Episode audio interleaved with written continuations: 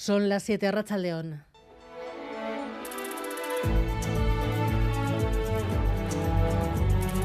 Gambara con Arancha García. El Congreso está dejando esta tarde la imagen de consolidación de la mayoría de la legislatura. El gobierno Sánchez ya no llega a las votaciones, apurando el último segundo para negociar apoyos. Hoy va a sacar adelante tres, tres votaciones clave para las que tiene además respaldo garantizado desde hace días y con mayorías contundentes. Además, los últimos presupuestos salen con 187 votos Nerea Sarriegui. Sí, aprobado el proyecto más importante para el Gobierno. Los terceros presupuestos del Ejecutivo de coalición toman ya el camino hacia el Senado. 187 votos favorables, una amplia mayoría conformada una vez más por el bloque de investidura. Unas cuentas, acaba de destacar el presidente Sánchez, que garantizan la estabilidad política necesaria para afrontar los retos que vienen por delante. Por encima del ruido, insiste, el Gobierno sigue cumpliendo objetivos. El pleno de esta tarde es un superpleno. Nerea se anuncia intenso y atípico porque se ha forzado una votación individual para los dos debates que vienen ahora. Sí, acaba de arrancar el de la ley que impondrá nuevos impuestos a la banca, las compañías energéticas y las grandes fortunas, al que seguirá el de la reforma del delito de sedición. Salvo sorpresa, la Moncloa salvará sin problema ambas votaciones, pero lo llamativo llegará precisamente a la hora de votar. Los diputados tendrán que pronunciarse de uno en uno a viva voz. Así lo ha forzado el PP en el caso de la sedición, buscando retratar a los diputados socialistas y en respuesta, Más País y Compromís han pedido que se haga lo mismo con los impuestos para escuchar a los diputados de la derecha.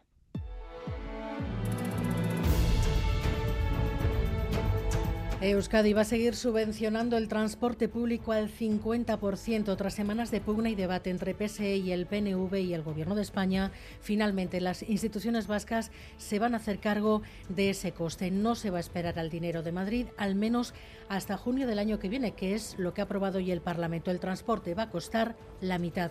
Lourdes Rial, lo que está claro es que ha conseguido aliviar el bolsillo mucho estos dos meses que, que lleva en vigor. Sí, una rebaja que se ha traducido, por ejemplo, en un aumento del 31% de las solicitudes de tarjetas Mugi en Guipúzcoa. La noticia ha tenido una reacción evidente, alegría. Por supuesto, que me alegra. Claro, todo lo que sea en beneficio para nosotros. Pues claro, cómo no. Yo soy jubilado y a mí tengo gente a mi eh, ¿cómo diría yo? Que tengo que ayudarles, hijos, nietos, entonces a mí todas las rebajas que vengan esto me vienen bien, claro que sí. Sí, me alegra, me alegra, se nota un montón. Pues sí, me alegra mucho porque es una maravilla viajar ahora. Los que viajamos a menudo se nota un montón. Un montón, ¿cuánto es? Cuantificamos, ¿cuánto nos ahorramos? Mm, pues no he hecho el cálculo, pero sí lo noto. último que no hay que recargar todo el rato. No, no, no he, no he hecho cálculos, no. No, no, no, no lo he calculado, la verdad. Ay, no, pero vamos, si pagamos 40 céntimos y vale euro y pico, pues es muchísimo, ¿no? Pues ya está. Pues 40 euros por al mes más o menos de, en el tren, te digo ahora. Estás sacando la calculadora, ¿no? Sí, eso es, unos 480 euros más o menos. Sí, 480 euros al año.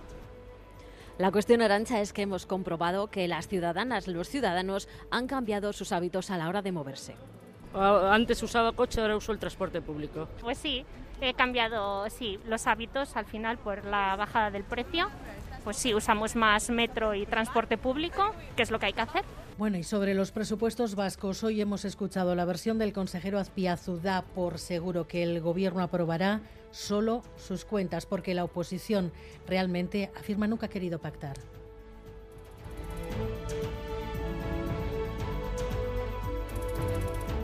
Vuelco en el comité de empresa de Mercedes. Hoy había elecciones sindicales. La plantilla castiga a los sindicatos que pactaron el convenio y aupa a la mayoría, liderada por ELA y la, la que perdió el referéndum.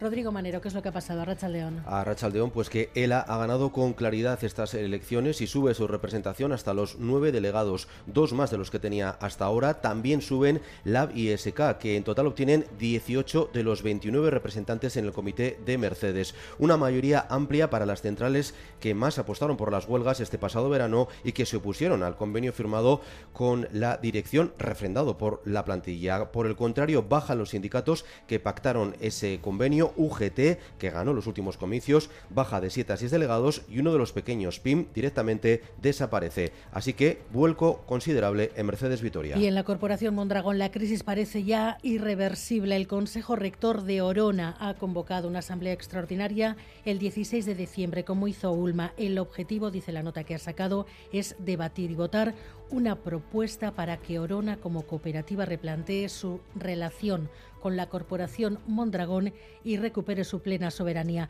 En ese comunicado, la empresa avisa que, frente a la inaceptable injerencia de Mondragón, Orona sigue defendiendo su soberanía y la de el resto de las cooperativas. Por eso, añade, rechazará cualquier injerencia en el debate de sus socios.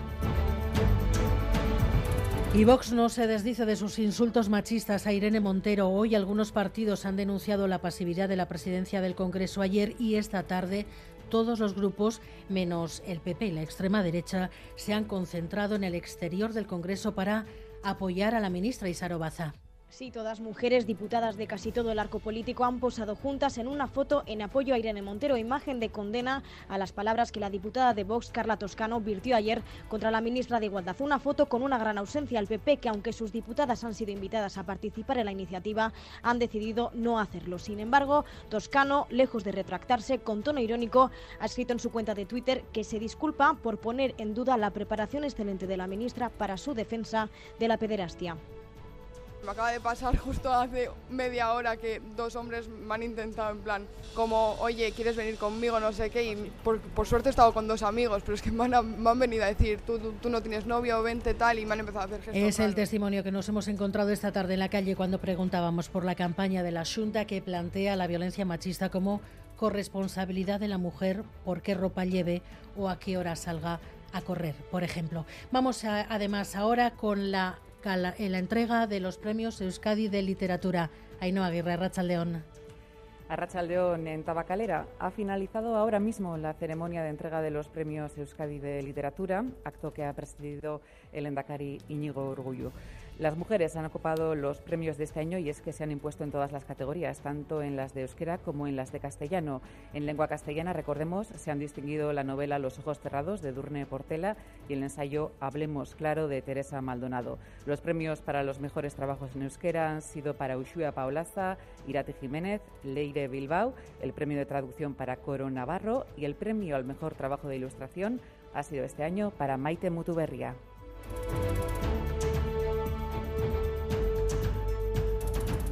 Vamos con los deportes. ¿Con qué argumentos hoy acercaré a Garrachaldeón? Arrachaldeón, siete federaciones deportivas vascas, las de natación, piragüismo, squash, esgrima, tenis de mesa, ajedrez y automovilismo, han solicitado de manera formal su integración oficial en sus respectivas federaciones internacionales. Un camino que ya han recorrido la Socatira, del surf, o la pelota. Y en el Mundial de Qatar, Suiza se ha impuesto por 1-0 a Camerún. Uruguay no ha pasado del empate a cero ante Corea del Sur y Portugal, con un penalti vergonzoso a su favor, ha superado finalmente a Ghana por 3-2. A las 8 se estrena una de las favoritas, Brasil, ante Serbia. Y en las próximas horas van a continuar las lluvias, va a seguir lloviendo con posibilidad de tormentas además mañana y esta lluvia está ocasionando bastantes problemas en carreteras. ¿Cómo están ahora, Gary Suárez? Pues eh, precaución en la Nacional 634, cortada, está cortada la carretera en ambos sentidos entre Zumaya y Sarauch por eh, prevención debido al oleaje. Todavía no hay previsión de cuándo se podrá reabrir. Atención también en la A623 en Legutiano, un camión atascado afecta a ambos sentidos de la circulación.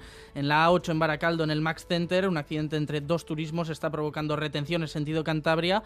Y en la Nacional 633 en Derio hay un turismo accidentado sentido aeropuerto, así que precaución también en esa zona, ya lo ven varios sitios afectados. Alberto Zubeldia y Paula Asensio están en la dirección técnica, Cristina Vázquez en la producción.